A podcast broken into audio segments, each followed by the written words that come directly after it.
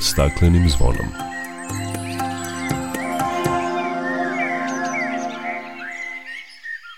Dobar dan i dobrodošli na Zeleni talas prvog programa radija Radio Televizije Vojvodine. Ja sam Dragana Ratković. Svetska nedelja vode, vodeći godišnji događaj o globalnim pitanjima vode, održana je u Stokholmu. Čućete koje su bile teme konferencije, kao i da li i mi imamo razloga za brigu kada je reč o vodi u budućnosti. Prošle godine zbrinuto je 120.000 tona posebnog otpada, a trend rasta nastavljen je i ove godine. Govorit ćemo o stanju u reciklažnoj industriji. Zbog masovne upotrebe jednokratna plastika postaje veliki problem i za životnu sredinu, ali i zdravlje ljudi. Koliko smo toga svesni? Centar za unapređenje životne sredine uradio je istraživanje o stavovima i navikama građana u vezi sa korišćenjem jednokratne plastike. Čućete rezultate tog istraživanja. Biće reći i o potpisivanju ugovora Resornog pokrajinskog sekretarijata za zaštitu životne sredine sa predstavnicima lokalnih samouprava za podršku projektima u toj oblasti. O ovim i drugim temama opširnije nakon pozdravne pesme. Dok kraj plače. Za vladarskim svojim tronom Tužno vele narikače Pod staklenim smo zvonom.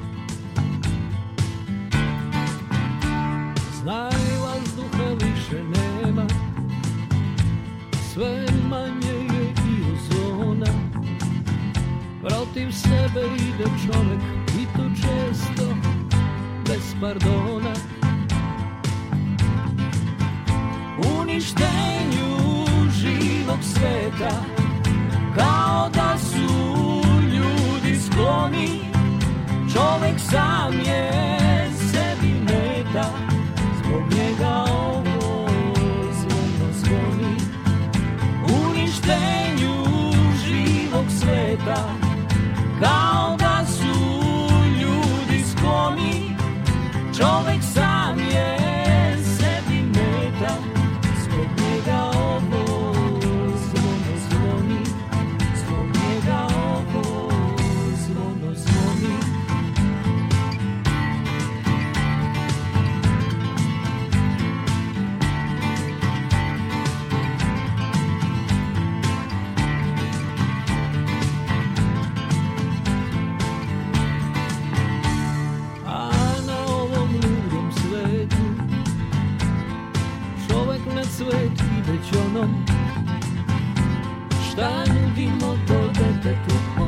Stakleni kad smo zvonom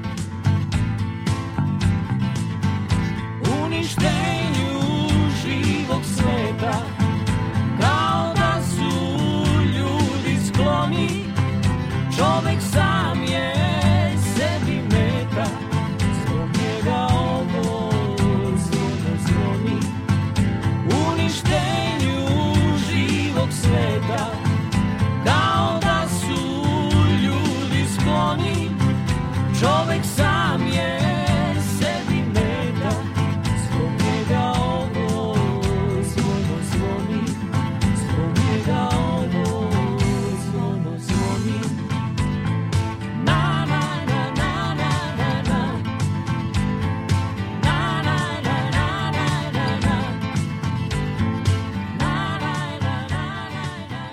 Svetska nedelja vode je vodeći godišnji događaj o globalnim pitanjima vode koji organizuje Stokholmski međunarodni institut za vodu od 1991. godine. Zajedno sa organizacijama iz svih sektora i svih regiona sveta, Stokholmski institut traži rešenja za najveće svetske izazove u vezi sa vodom. Ove godine UNESCO međunarodni hidrološki program kao ključni partner za saradnju udružuje napore sa Svetskom nedeljom vode da istakne važnost resora podzemnih voda za ljude i ekosisteme i zajednički doprinese poboljšanju znanja i kapaciteta za ubrzanje postizanja šestog cilja održivog razvoja o vodi i sanitaciji za svet bezbedan vodom. Od 23. avgusta do 1. septembra u Stokholmu je održana konferencija u okviru Svetske nedelje o vodi. Ambasadori životne sredine i održivog razvoja je jedina organizacija iz Srbije koja je uzela učešće na tom skupu u okviru programa koji je u poslednje dve godine realizovan sa partnerima iz regiona iz Rumunije, Severne Makedonije i Albanije, a odnosi se na bezbednost vode i sanitaciju. Šta je bilo u fokusu i o čemu se razgovaralo prošle sedmice u Stokholmu za Radio Novi Sad govori Aleksandra Mladenović, predsednica organizacije Ambasadori životne sredine i održivog razvoja. Ono što je bilo u fokusu ovogodišnje konferencije koja je održana delimično uživo u Stokholmu, a delimično online je kako na koji način obezbediti vodu onim državama, praktično kontinentima Afrike i Azije koji pate usled nedostatka vode. Imali smo prilike da vidimo različite nove i unapređene tehnologije kako se raspoloživo velikom količinom vode može raspolagati na održivi način, kako se voda može prečišćavati e, da bi ponovo bila korišćena. I imali smo prilike da vidimo i neke nove alate i metode u sanitaciji, odnosno korišćenja različitih tipova toaleta u područjima gde e, oni još uvek ne postoje i modela septičkih jama i kako se voda iz i to toaleta i septičkih jama može prečišćavati i ponovo koristiti kao siva voda, odnosno ponovo uvesti u, u sistem e, korišćenja e, vode u domaćinstvima. Naravno, najviše usled nedostatka vode pate domaćinstva, međutim ne smemo zaboraviti ni na biljni životinski svet koji je dosta pogođen koji se nekako ne svojom krivicom našao u situaciji da i ona voda koja postoji ne bude dostupna na odgovarajući način, pre svega usled zagađenja izazvanih e, različitim e, ljudskim delatnostima, tako da osim na potrebe ljudi za vodom moramo razmišljati i o e, drugim bićima koji zavise od vode mnogo više i koji nemaju načina da pronađu druge alternative za korišćenje korišćenje vode. Ono što se možda zamera ovakvim e, konferencijama jeste značajno razmeniti iskustva i predstaviti nove različite načine, metode, tehnike. Međutim, čini se da je jako malo urađeno e, na terenu, da je malo konkretnih e, akcija, a da se nekako sve svodi na priču, na e, predstavljanje i na razvoj e, biznisa u tom pravcu u smislu bezbednosti vode i sanitacije. I ono što je obeležilo ovu konferenciju to je dodela nagrade mladima koji su na inovativan način pokušali da reše probleme nedostatka vode i da ublaže zagađenost vode vode i uticaj klimatskih promena na dostupnost e, vode. Bila je to jedna poster sesija gde iz celog sveta su mladi ukazivali na probleme i davali neka održiva rešenja i to dobrim delom zasnovana na modelima iz prirode. Sledeći modele kako se u prirodi voda e, prečišćava, oni su pokušali da naprave e, neke sisteme koje mogu koristiti i ljudske zajednice. Nakon konferencije u Stokholmu ambasadori životne sredine održivog razvoja zajedno sa partnerima na projektu o bezbednosti vode i sanitacije učestvovali su i na konferenciji u Berlinu gde su predstavili rezultate do kojih su došli u našem regionu u okviru projekta radeći najviše sa obrazovno-vaspitnim ustanovama. O tome ćemo nekom drugom prilikom a zbog suše ove godine imali smo priliku da vidimo kako izgleda kada nema dovoljno vode i kakve mogu biti posledice po životnu sredinu, živi svet, poljoprivredu ekonomiju. Upravo zbog klimatskih promena na ovim prostorima imamo razloga za brigu kada je reč o količinama vode u budućnosti, izjavio je za radioteleviziju Vojvodine naš stručnjak za vodu, profesor Božo Dalmacija sa Prirodno-matematičkog fakulteta u Novom Sadu. Računa se da krajem ovog veka temperatura u ovim delovima ovaj, zemlje ili Europe će porasti za otprilike 3 do 4 stepena.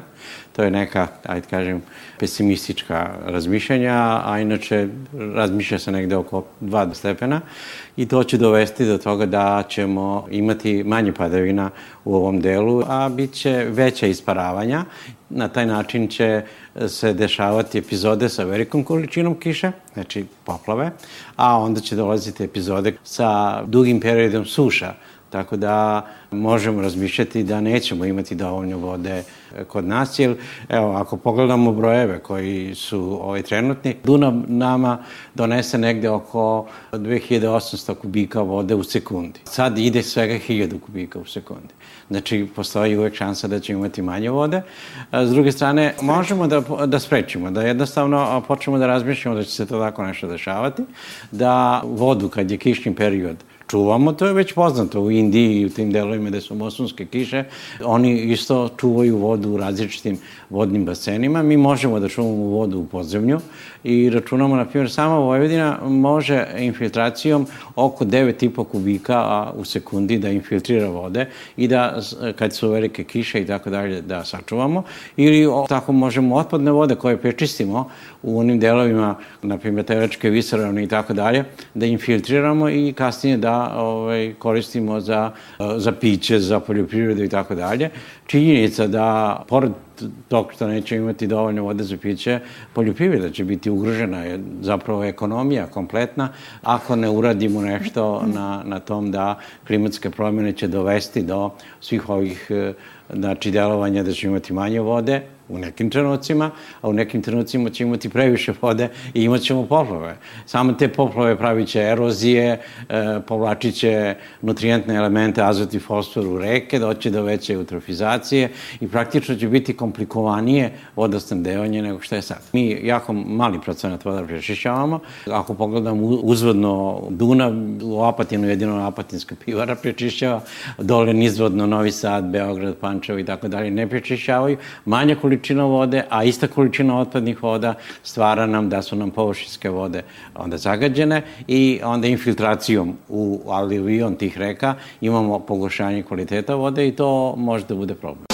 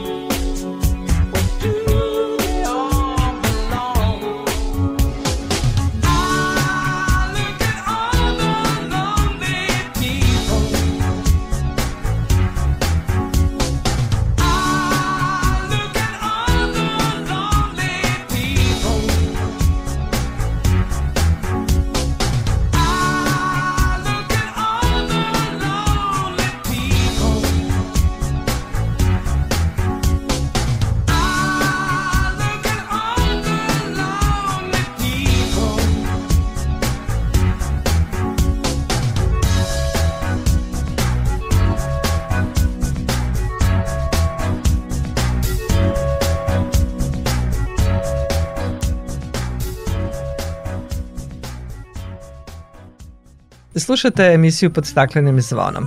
Prošle godine zbrinuto je 120.000 tona posebnog otpada u koji spadaju elektronski, električni otpad, gume, motorna ulja, vozila, akumulatori, baterije, a trend rasta nastavljen je i u sedam meseci ove godine saopštilo je Udruženje reciklera Srbije.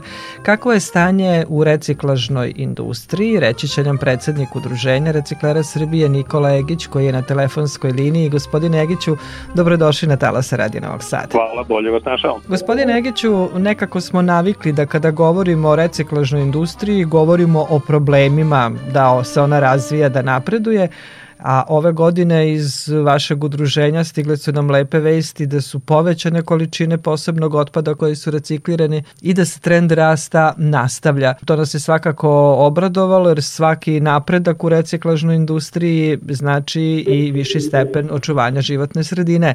Recite nam kakvo je trenutno stanje i šta je posledica ovog rasta reciklaže? A posledica rasta, razlog za optimizam, razlog za pohvalu je što se sistem finansiranja ovih tretmana posebnih tokova otpada, kako se to kod nas u Srbiji popularno zove kao posticajna sredstva, koja smo godinama, unazad valjda deseta godina, sa zemljom očekivali kad ćemo ispuniti uslov, kad ćemo moći da naplatimo, da li ćemo naplatiti u punom e, iznosu sve ono što smo tretirali ili ne. Desio se na neki način, rekao bi presedan, tokom prošle godine, kad je Ministarstvo životne sredine raspisalo konkurs za prva tri kvartala tokom prošle godine. Kad se završila tri kvartala imali smo redovno one procedure, nadzor, kontrola tad je ovaj konstatovano šta smo istretirali, koliko smo toga tretirali i napravljeni su obračuni za te količine tretirane, ti obračuni su vrednovani ugovorima o saradnji, odnosno o poslovanju između države i nas operatera i to smo eto uspeli da naplatimo znači prva tri kvartala tokom prošle godine, četvrti kvartal iz prošle godine smo naplatili u prvom kvartalu ove godine, po završetku kvartala raspisuje se tender za prethodni taj kvartal, obračun i isplata. Tako da smo ovaj, malo smireniji, malo lakše možemo da planiramo i da se bavimo onim poslovima koji su nam prioriteta, to je sakupljanje, prevoz, dovoz i tretman posebnih tih tokova otpada koje ste vi u najavi nabrojali. Dakle, to je imalo efekta. Recite, da li su nekako ostvareni ti postavljeni ciljevi koji su zacrtani?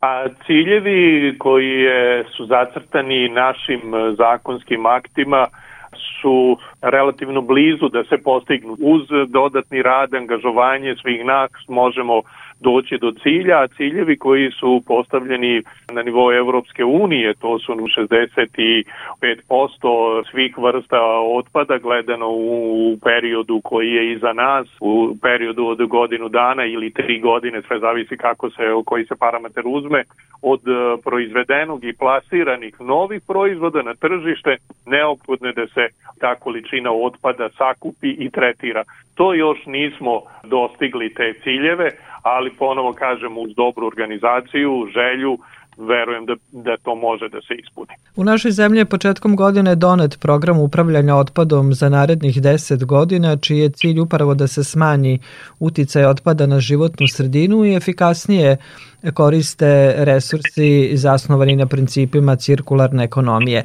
Da li će i to u narednom periodu još više unaprediti rad reciklažne industrije? Da, svakako da hoće da unapredi. Cirkularna ekonomija je jako izazovan e, projekat, e, lično podržavam, mada ja to kažem da je to ponovno korišćenje materijala za sličnu ili drugu namenu.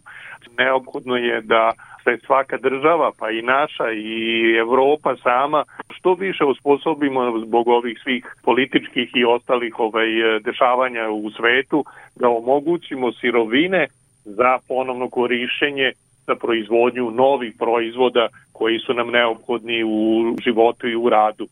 U električnom i elektronskom otpadu, a i u posebnim tokovima otpada se nalaze opasni materijali koji su neophodni novom proizvodu da bi taj proizvod mogao da funkcioniše. Znači, baterija je potrebna e, računaru, baterija je potrebna daljincu, ne znam, svemu, igračke, svašta tu nešto ovaj, što mi konzumiramo i to koristimo, a tehnološki ta oprema se izuzetno brzo razvija. Kako se brzo razvija, mi smo željni i težimo da imamo nov proizvod, samim tim gomilaju se i ti uređaji koji se odbacuju, koji nisu više za upotrebu, postali su otpad i ovaj treba taj otpad na ekološki bezbedan način zbrinuti, da ne utičemo štetno na životnu sredinu, okruženje, ljude i ostalo, ali i u tim materijalima ima i tekako vrednih materijala koji mogu ponovo da se koriste. Znači imamo dvojak e, sistem. Jedno, bezbedno rešiti se opasnih materija, a na drugi način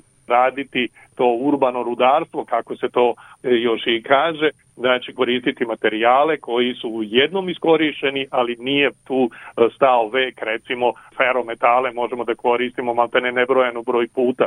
Slična situacija je i sa staklom i sa građevinskim materijalom i sa gumama i sve to može da se zavrti, da se pravi taj ciklus, kako kažemo, znači da bi ko, ponovo koristili materijala. Mogu da kažem i još jedan podatak koji nažalost nisam ovde dobio, ali je u državi u okruženju za poslednjih ovaj, nekih 6-7 godina od 2015. godine se duplirare i količine proizvoda koje se po građaninu koriste. Bilo je 10 kg po građaninu na godišnjem nivou da se zanovi ta oprema, sad su došli do 20 kg. Znači za neki 7 godina se dupliraju novi proizvodi, samim tim se dupliraju i otpadi i sve te otpade treba zbrinuti na ekološki način i iskoristiti te materijale za ponovnu proizvodnju. Da, nadamo se da će u budućnosti taj procenat biti znatno veći.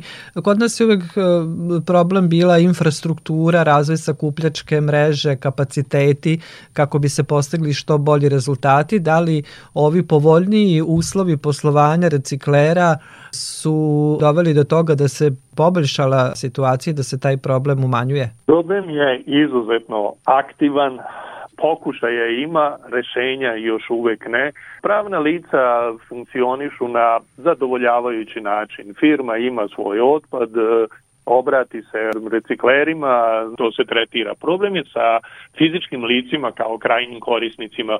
Ta mreža za sakupljanje ovih posebnih tokova otpada nije dovoljno i nije još uvek dobro razvrstana. Verujem i da vaši slušaoci i sad se pitaju pa gde ja mogu da odnesem svoj televizor, svoj frižider, a kamoli da se ne pita šta mogu da radim sa malom kućnom baterijom koju je izdvojio.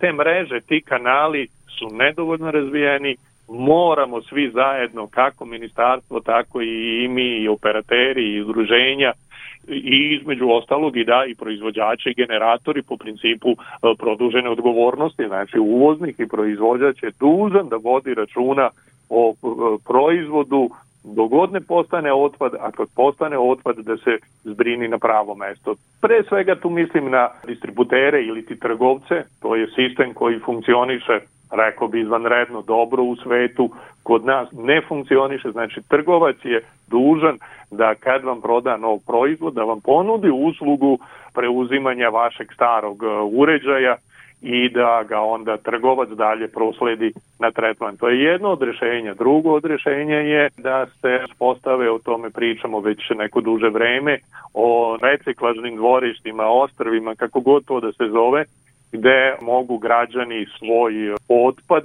da odnesu bez ikakvih nadoknada i da ga tamo zbrinu ili da se prave lanci i mreže za sakupljanje po principu od vrata do vrata što je jako zahtevno i skupo i opet proslediti u skladu sa zakonom i u skladu sa njegovim opasnim svojstvima na tretman.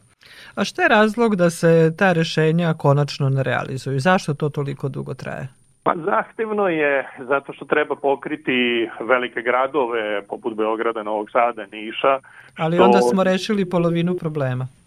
100% u pravu, tako je, I, ali treba zbrinuti i bateriju i u nekom manjem mestu kao i u ovim velikim gradovima koje sam rekao. Da, činjenica je da je to verovatno i više od polovine, ali dajte da krenemo, bar da pokrijemo velika mesta, a da vidimo kako to funkcioniše i da taj sistem, to rešenje onda pokušamo da primenimo i na manje gradove. Nekoliko puta ste pomenuli baterije, vi dolazite iz kompanije Božić i Sinovi koja se bavi sakupljanjem i reciklažom elektronskog i električnog otpada, pa recite evo, pošto su i mene mnogi pitali gde u Novom Sadu, na primer, mogu da odnesu svoje baterije koje čuvaju kod kuće i neće da ih bace u smeće. To su oni koji su ekološki svesni. Koji su ekološki svesni, to je dobro, to je pozitivno, samo se ja plačim da to čuvanje ne pređe u neko višegodišnje ovaj čuvanje pa da se ljudi onda umore, zasite i da nemaju rešenja i da ovaj to dalje onda procesuiraju onako kako mogu, odnosno da procesuiraju kako ne valja. Baterije koje se nalaze u uređajima, u računarima i ovaj televizorima šta god da je, kad dolaze kao otpad kompletan kod nas na tretman, mi smo dužni i tako funkcionišemo i da izdvojimo taj opasan otpad u bateriju, spakujemo je onako kako je potrebno da bi bilo bezbedno i te baterije vozimo i izvozimo van države vozimo na zapad gde postoje operateri, postoji oprema za svetman te vrste otpada i to je uhodan sistem. Problem je kad vam u daljincu samo baterija pregori, e tu bateriju nažalost nemaju građani rešenje gde da je predaju. Razlog zašto je tako, zato što Srbija želi da po principu cirkularne ekonomije tretira sav otpad, a između ostalog i baterije da bi se za tretman otpada dobila nadoknada ekološka taksa da pokrije, odnosno postica i da neko koristi, neophodno je da operater ima opremu koja može da tretira tu vrstu otpada. U Srbiji do danas niko nije našao ekonomski interes da se bavi tretmanom te vrste otpada, te iz tih razloga ne može da se povuku ta posticajna sredstva, taj novac za pokrivanje troškova u ovom slučaju izvoza i tu se onda talasa, mi smo preko udruženja sa Naledom i Gizom ušli u jedan projekat za sakupljanje baterija i sijalica i to funkcioniše na Beogradskom univerzitetu na 20, ja ne znam tačno da vam kažem koliko fakulteta u Beogradu. Nešto slično smo napravili na nivou grada Kragujevca. Jeste u planu nešto i za Novim Sadom da radimo, ali ne bi ja sada dajem tamo neke informacije koje nisu govorene i dogovorene, ali to su sve pilot projekti da pokažemo da to može da funkcioniše, da treba tako da funkcioniše i da se onda rešavamo i tih vrsta otpada koje su eto balast trenutno. Da, stanje u reciklažnoj industriji pokazuje izvestan napredak, ali svakako postoje još uvek brojni problemi koje treba rešavati kako bi na kraju krajeva zbrinuli što veće količine otpada i time očuvali stanje životne sredine. Gospodine Ekiću, hvala vam lepo za razgovor i učešću u programu Radio Novog Sada. Hvala vama. Mogu samo da još dodam, ako nije problem, da Izvolite. se nadamo da će sa ovaj, uspostavljanje novih tima vlade sa novim ljudima, novim ovaj, ministarstvima biti više mesta i više vremena da se svi zajedno i nadležne državne institucije i mi ovaj, u udruženjima i operateri pozabavimo uspostavljanjem zakonskog, podzakonskih akata kako bi ovo moglo što jednostavnije i efikasnije da se primenjuje. Verujem da i građani to očekuju. Hvala vam lepo za razgovor. Hvala vam, prijetno.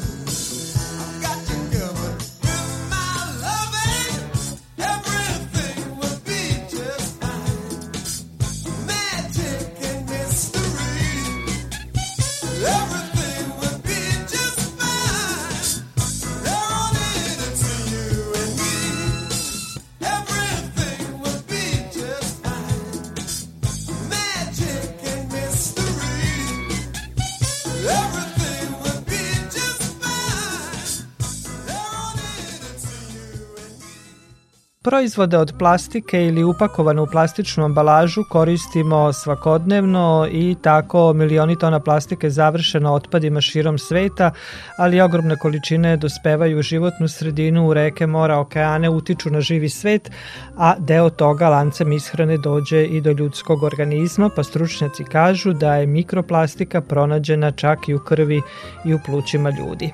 Upotreba jednokratne plastike dakle postaje veliki problem i za životnu sredinu i zdravlje ljudi jer je se više koristimo, a koliko smo toga svesni i šta tim povodom preduzimamo. Centar za unapređenje životne sredine uradio je istraživanje o stavovima i navikama građana u vezi sa jednokratnom plastikom, a tim povodom na telefonskoj liniji je Vladan Šćekić iz Centra za unapređenje životne sredine. Vladane, dobrodošli na Talasa Radio Novog Sada. Hvala i dobar dan. Tokom proteklih godina ogromne količine plastičnog otpada dospele su u životnu sredinu, a plastika i ona, kako kažu, najopasnija mikroplastika je sada prisutna na celoj planeti od vrha Monteveresta do najdubljih okeana, a ono što stručnjaci su utvrdili lancem ishrane dospeva i u naš organizam. Upotreba jednokratne e, plastike poslednjih godina je porasla i predstavlja ogroman problem. Da li je to vladane bio i povod što ste uradili ovo istraživanje u vezi upotrebe jednokratne plastike? Kao što ste rekli, jednokratna plastika zaista sve više predstavlja problem i upotreba plastike negde na istorijskom maksimumu u ovom trenutku, ali radi ilustracije radi da kažemo da kada je započeti sa proizvodnjom plastike negde 50 godina 20. veka, od tada do danas je proizvodnja povećana preko 200 puta, sa 2 miliona na 460 miliona tona u 2019. godini, a očekuje se da ukoliko nastavimo da proizvodimo plastiku ovim tempom, proizvodnja plastike će dostići 1200 miliona tona u 2060. godini, znači negde tri puta više nego što je sada proizvodnja. Potrošnja plastike je pratila rast proizvodnje i ona je porasla isto negde na 400 miliona tona, ali ono što je zanimljivo reći jeste da ako posmatramo ukupno proizvedenu plastiku od 1950. godine, to je nekih 6,9 milijardi tona, a od toga je reciklirano samo 9 procenata, dok je za dovijenje energije iskorišćeno samo oko 12, što znači da je ostalih gotovo 80%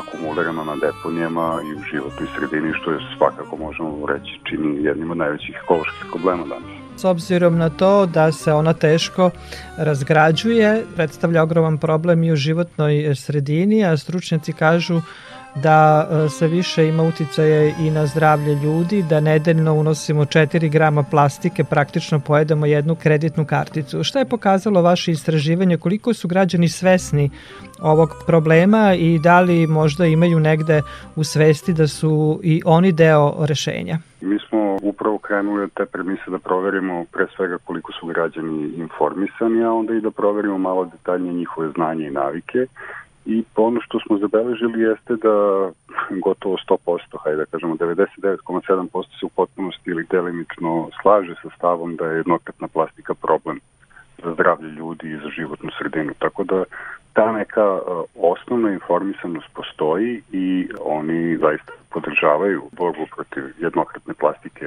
Ono što su primetili da je najveći problem, odnosno šta se najviše nalazi u domaćinstvima od te plastike, jesu pre svega plastične kese i pet flaše, negde po 82% naših ispitanika nam je tako nešto potvrdilo, a kutije za namirnice koje su od plastike, uglavnom su to one jednokratne kutije koje se koriste za merenje i za nošenje bukvalno namirnica do kuće 32%. Tako da ovaj, to su neke tri vrste koje se najčešće mogu naći u domaćinstvu i građani pokazuju svest da to počinje da im smeta i da je jednostavno vreme da jednokratnu plastiku počnemo da rešavamo na jedan obzbiljan i sveobuhvatan način. Prošle godine u svim zemljama Evropske unije na snagu je stupila direktiva o zabrani jednokratne plastike, što znači zabranu upotrebe pribora za jelo, slamki, štapića za uši. Vi ste pomenuli i plastične kese, pet ambalažu, to su možda problemi koji su nama najvidljiviji. Šta kažu građani, da li su smanjili upotrebu plastičnih kesa s obzirom da je pre nekoliko godina počela naplata Naravno, bilo je za očekivati da će se potrošnja plastičnih kesa koje se kupuju u prodavnici smanjiti. E, ono što je zanimljivo jeste da 95% e, naših ispitanika u potpunosti ili delimično e, nema problem da koriste alternativu plastičnim kesama, a 45% njih nam je potvrdilo da uvek nosi ceger sa sobom kada krene u kupovinu, tako da definitivno možemo da se radujemo toj promeni koja je nastala, ali kada pričamo o plastičnim kesama, jako je važno spomenuti još jedan segment koji je onako malo specifičan za Republiku Srbiju, a to je da su te plastične kese koje se sada tretiraju, odnosno prodaju kao biorazgradive, u suštini nisu biorazgradive i da te kese u stvari samo sadrže u sebi određene hemikalije koje omogućavaju da se te kese brže raspadnu, ali kada kažemo raspadnu, ne razgrade, nego raspadnu na sitnije delove i tako u stvari nastaje mikroplastika. Jako je važno povezati to kako bi ljudi bolje razumeli da prosto to usitnjavanje plastike koja nema svoju biorazgradivost dovodi do toga da se mikroplastika pojavljuje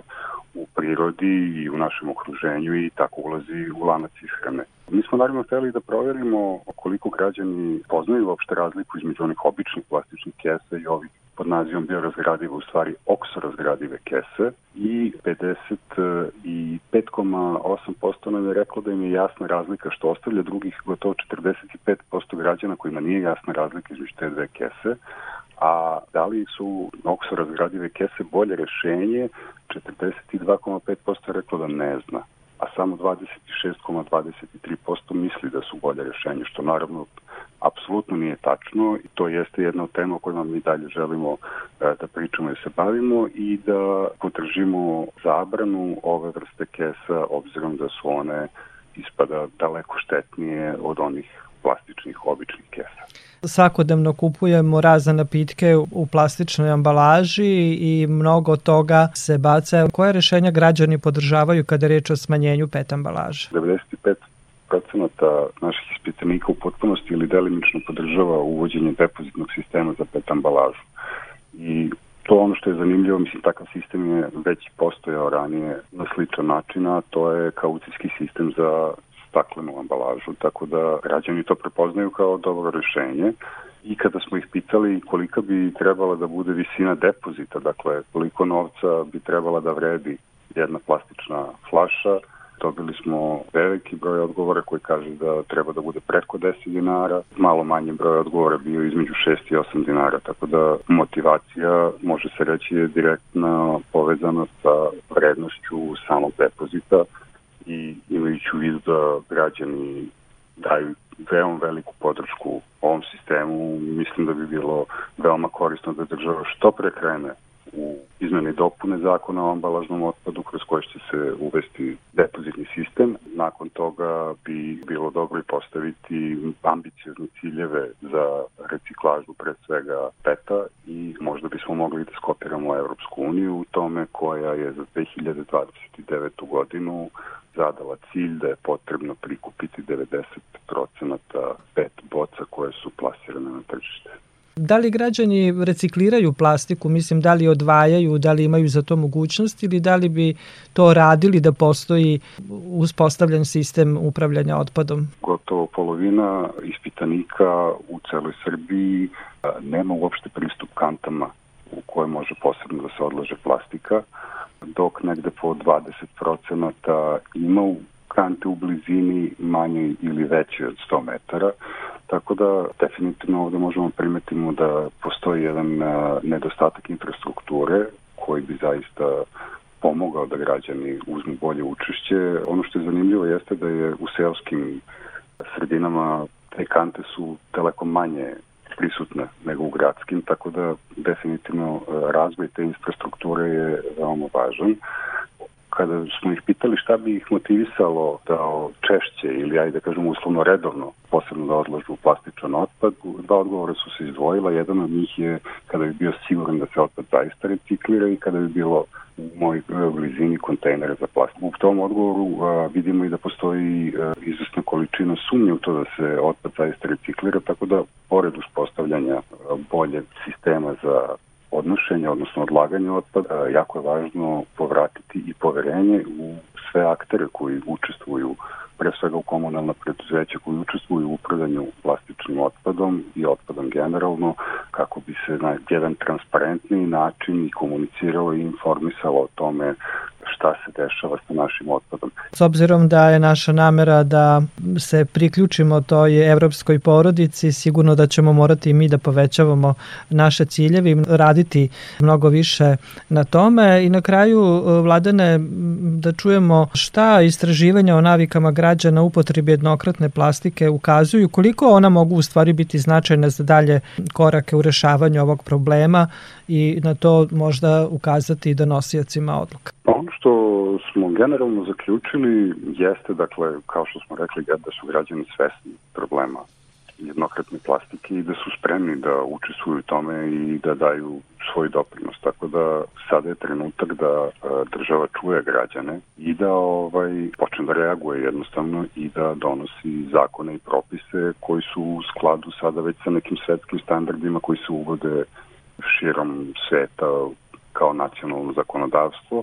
Mislim da ova direktiva o jednokratnoj plastici jeste dobar početak bavljanja ovim problemom u Srbiji, ali e, moramo biti svesni da bez obzira na činjenicu da smo zemlja kandidat e, za pristupanje Evropskoj uniji, ovo jeste jedan problem koji pogađa nas direktno i pogađa nas lokalno. Tako da mi kao društvo moramo da donesemo konsenzus da je borba protiv jednokratne plastike jedan od najviših prioriteta i da deo fokusa borbe za zaštitu životne sredine svakako treba da bude upućen u borbu protiv jednokratne plastike. Moramo da menjamo pre svega svoje navike i da budemo što bolje informisani o štetnosti plastike. To su možda načini da i smanjimo svako od nas e, upotrebu jednokratne plastike koju eto na kraju krajeva svi svakodnevno koristimo. Kada pričamo o tome šta građani još mogu da urade, bilo bi nepošteno ne spomenuti i šta drugi činioci mogu da urade vidimo sada da je reciklaža na relativno još uvek niskom nivou, međutim reciklaža je samo jedan deo problema i sa povećanjem reciklaže se definitivno neće smanjiti proizvodnja plastike. Tako da mi moramo da nađemo način kako ćemo pre svega kao celokupno društvo da smanjimo samu upotrebu plastike i da je koristimo samo tamo gde je to zaista neophodno a odgovornost za to pre svega leži na kompanijama koje proizvode plastiku, a potom i na nacionalnim vladama, odnosno državama, kako bi destimulisali upotrebu plastike i promovisali rešenja koja su održiva na duže staze.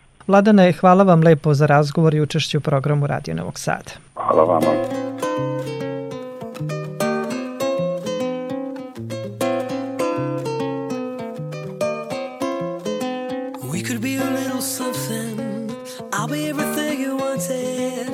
Could bring you real comfort, give you a break from loving. I'm trying more, just a little. I wanna meet you in the middle. Reading you is like a riddle. I really wanna figure you out. Don't you worry what you're gonna lose in the heat of the moment.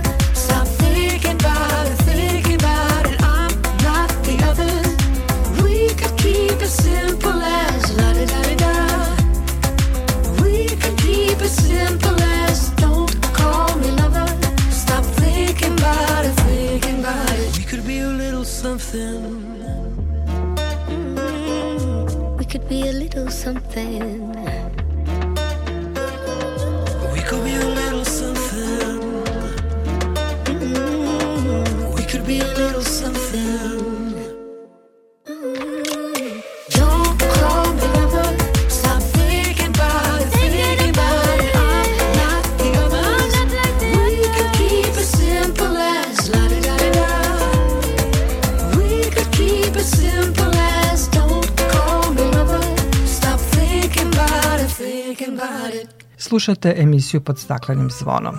Pokrajinski sekretarijat za urbanizam i zaštitu životne sredine potpisao je ugovore sa predstavnicima lokalnih samouprava sa teritorije Vojvodine koje su putem konkursa ostvarile pravo na dodelu bespovratnog novca za podršku u sprovođenju projekata u oblasti zaštite životne sredine. Više o tome Maja Stojanac. Jedna od lokalnih samouprava koja je dobila novac je opština Opovo, koja se prijavila na oba konkursa. Predsednik opštine Miloš Markov kaže da su im potrebna unapređenja na različitim poljima. Ovakav vid podrške pokrajinske vlade i sekretarijata je nama izuzetno bitan, s obzirom da smo jedina lokalna samouprava na teritoriji autonomne pokrajine Vojvodine koja je četvrte kategorije, dakle vodimo se kao nerazvijena opština, što ima za rezultat da imamo veoma limitiran budžet. Tako da nam je svaka vrsta, da kažem, donacije ili podrške kroz programe i projekte pokrajinske vlade izuzetno velikog značaja. Na oba konkursa prijavila se i opština Titel, objašnjava predsednik te lokalne samouprave Dragan Božić, ukazujući koji su njeni osnovni problemi. a to je za uklanjanje divljih deponija i za projektu tehničku dokumentaciju koja se tiče kanalizacione mreže.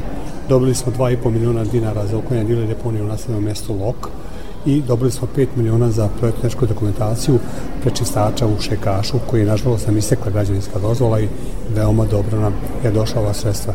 Sredstva su značajne za ovako male opštine, ako vam kažem da na dve ili tri godine nam ističu građevinske dozvole zato što ne uspijemo da realizujemo te projekte koje prevazilazi kapacitete finansijske opštine, onda nam tako dobro dođe ovaj, za, za, za nastavak i da imamo da smo ponovo spremni za, za pojedine konkurse. Svedoci smo brojnih ekoloških problema u Vojvodini, a neki od njih su ispuštanje otpadnih voda u reke i kanale, te često dolazi do zagađenja životne sredine i ugrožavanja biljnog i životinskog sveta, objašnjava pomoćnik resornog sekretara Nemanja Erceg. Čistija i zdravija sredina zadatak je svih nas, a tome će doprinjeti i projekti lokalnih samouprava. prvenstveno u sredinama, jedinicama lokalnih samouprava gdje imamo razvijene industrijske zone, da je to od velikog značaja zbog sprečavanja dalje širenja, odnosno ispuštanja raznih teških metala i, i drugih opasnih materija u vodu, a samim tim i u zemljište Na taj način će, kako kaže, biti stvoreni preduslovi za stvaranje održivog društvenog i ekonomskog razvoja u pokrajini, a smanjit će se rizik po javno zdravlje i poboljšati kvalitet života stanovništva. Slušate emisiju pod staklenim zvonom. Kompletan drvored Likvidambra ulici Kornelija Stanković u Novom Sadu podvrgnut je specijalnom tretmanu nege u okviru kog je drveće prihranjeno neophodnim mineralima – Javno komunalno preduzeće Gradsko zelenilo je prvo u regionu uvelo folijarnu prihranu drveća u drvoredima i parkovima jer smatraju da drveće u urbanim sredinama zbog emisije ugljen dioksida i drugih štetnih uticaja dobija manje neophodnih sastojaka nego što mu je potrebno. Hranjive materije primenjene direktno na listove pomažu drveću da nadoknadi nedostatak pojedinih elemenata. Time se popravlja biološka kondicija drveća, njegova vitalnost i podstiče dalji rast i razvoj. Stručnjaci kažu da je prihrana drveća preko lista do 7 puta efikasnija od ishrane preko korena, a rastvor kojim se prihranjuje drveće nije šteta ni za ljude, ali ni za insekte ili druge vrste živih organizama. U Novosadskom zelenilu kažu da u Novom Sadu ima blizu 100.000 stabala, a u poslednjih 10 godina broj drveća je uvećan za oko polovinu, ali to je još uvek nedovoljno a Kragujevac je prvi grad u našoj zemlji koji je zabranio investitorima izgradnju poslovnih i stambenih objekata bez sadnje drveća. Odluka počinje da se primenjuje od septembra i deo je akcije Vrati dah prirodi, posadi drvo.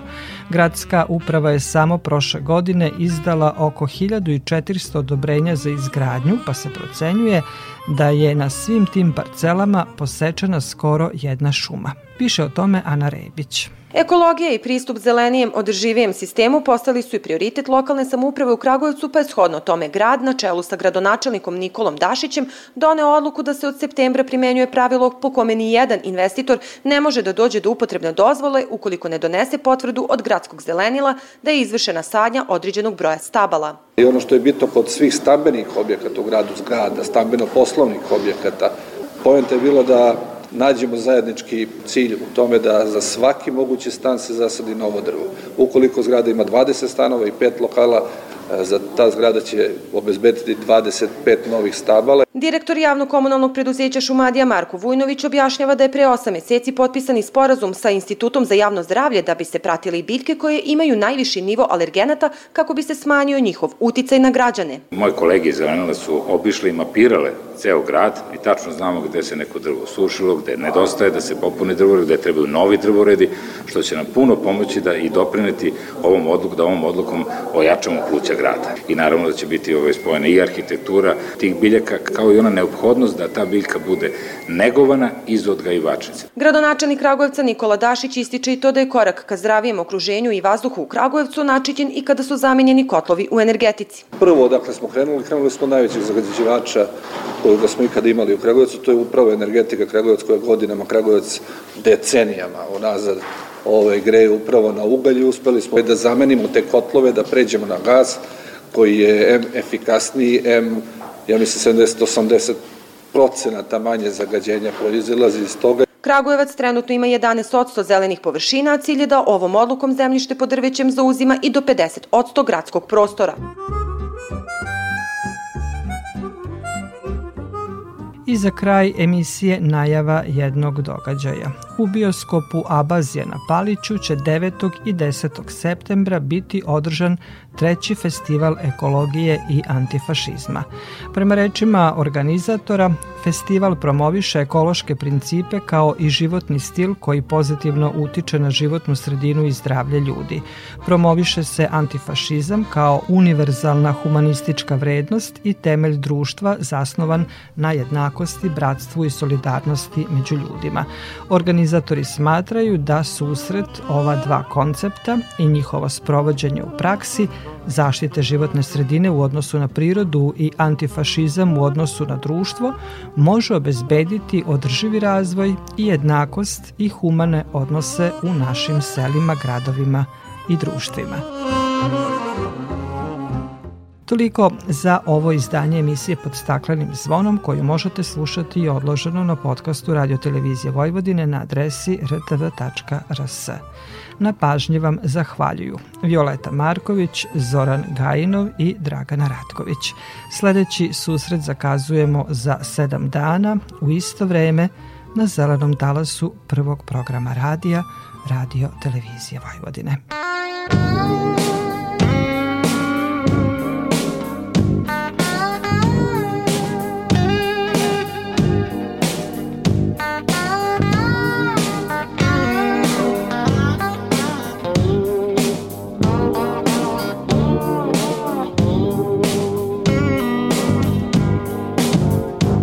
Have my love,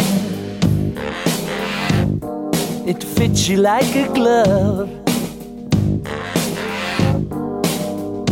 Joy, my dream, tell me yes. Bail out should there be a mess. The pieces you don't need are mine. Take my time. I'll show you cloud nine. My smile and my heart, they were yours from the start. Pieces to admit of mine. Have my love,